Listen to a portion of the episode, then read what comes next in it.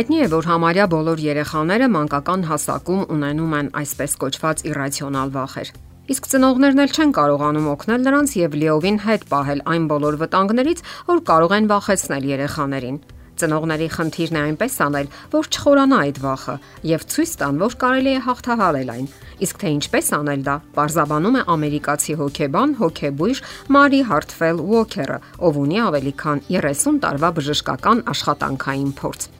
Այսպիսի հետաքրքիր իրավիճակ։ Փոքրիկ երեխան վախենում էր շարժվող խաղալիք մեխանիկական պինգվինից։ Ամեն անգամ, երբ միացնում էին խաղալիքը եւ պինգվինը սկսում էր ցնցվել, երեխան անմիջապես հակվում էր դեպի մայրը եւ հպվում նրան։ Նա որոշակիորեն վախենում էր։ Մայրը գրկում էր նրան, նստեցնում ծնկներին եւ նորից միացնում խաղալիքը ապա բացատրում էր, որ այն ընդամենը խաղալիք է եւ շատ զվարճալի է, երբ շարժում է ոտիկները։ Հորդորում էր, որ зерքը մոտեցնի խաղալիքին, որ այս անգամ ինքը միացնի։ Այժմ երեխան ինքն էր պատտում խաղալիքի պտուտակը եւ ուրախ հետևում, թե ինչպես է այն ցնցվում։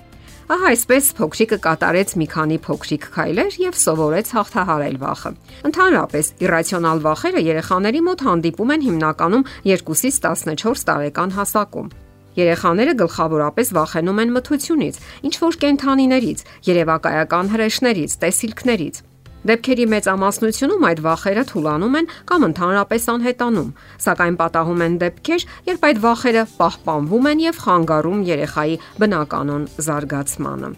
Հարկավոր է հասկանալ, որ ինչքան էլ երեխաների վախերը մեզ մեծահասակներիս իրացիոնալ են թվում, դրանք գոյություն ունեն, եւ հենց մեծահասակներից է կախված կշարունակի արդյոք երեխան վախենալ, թե կգտնի եղանակներ դրանցից ազատագրվելու համար։ Ահա թե ինչու հարկավոր է գտնել համապատասխան մոտեցումներ յուրաքանչյուր կոնկրետ իրավիճակի դեպքում։ Պատահում է, որ մեծահասակները իրենք էլ վախենում են ինչ որ բանից, որն իրականում կա Նրանք կարող են վախենալ շներից, բարձրությունից, տեսիլքներից, եւ նկատվել է, որ նման դեպքերում երեխաներն են վախեր ունենում։ Այստեղ ամենից առաջ խորհուրդ է տրվում ըստ մասնագետի չկեղծել, որովհետև երեխաները նրբորեն զգում են, թե երբ են մեծահասակներն իրենց խափում կամ աղավաղում իրականությունը եւ սկսում են ավելի շատ վախենալ։ Ահա թե ինչու լավ է ազնվորեն խոստովանել, որ այո, դուք ունեք այդպիսի անհետ-հետ վախ եւ ջանք եք անում հաղթահարել այն եւ իսկապես էլ պետք է ձգտեք հաղթահարել սեփական վախերը։ Եթե դրանք իսկապես անիրական վախեր են, ապա բնական է, որ կխանգարեն հենց ձեր բնականon կյանքին։ Եվ կարևոր է ազատագրվել դրանցից ոչ միայն ձեզ համար, այլ նաև հանուն երեխաների։ Հարկավոր է հիշել, որ նման դեպքերում տրամաբանական փաստարկները քիչ օգուտ են տալիս։ Ինչպես էլ մեծ ծիծաղաշարժ կամ իրացիոնալ թվան այդ վախերը, դրանք իրականում գոյություն ունեն։ Պետք է ցույց տալ երեխային, որ լուրջ եք վերաբերվում նրա զգացմունքներին։ Պետք է հասկացնեք, որ դուք նրա կողմից եք եւ նրա կողքին եք։ Հենց միայն այդքանն արդեն կնվազեցնի տագնապների աստիճանը։ Մի կարևոր պահ եւս։ Երբեք մի վիրավորեք երեխային վախերի պատճառով։ Հետևանքը կլինի այն, որ նրա վախերին կավելանա նաև ամոթը, Ծնողները պետք է օգտագործեն այս հնարավորությունը նրան շատ կարևոր բաներ բացատրելու համար, այլ ոչ թե մտածեն, որ սա բնավորության թերություն է։ Դուք պետք է ընդգծեք նրա բնավորության ուժեղ կողմերը։ Հիշեցնեք այն դեպքերը, երբ նա հաղթահարել է ինչ որ վախեր, հասկացնեք, որ վստահում եք նրան եւ հավատում նրա ուժերին, որ նա կարող է հաղթահարել իր դժվարությունները։ Նման դեպքերում նաև պետք չէ պատժել երեխային կամ դասերակցական միջոցառում կազմակերպել։ Որոշ ծնողներ երեխային միայնակ փակում են սենյակում, որ սովորի հաղթահարել վախը։ Այս դեպքում նա պարզապես կարող է խոճապի մեջ հայտնվել։ Ճիշտ է երեխային քաջալերելը եւ ընդ որում ոչ միայն խոսքերով։ Երեխաները հասկանում են հպումների լեզուն։ Գրկեք նրանց, բռնեք նրանց ձեռքը։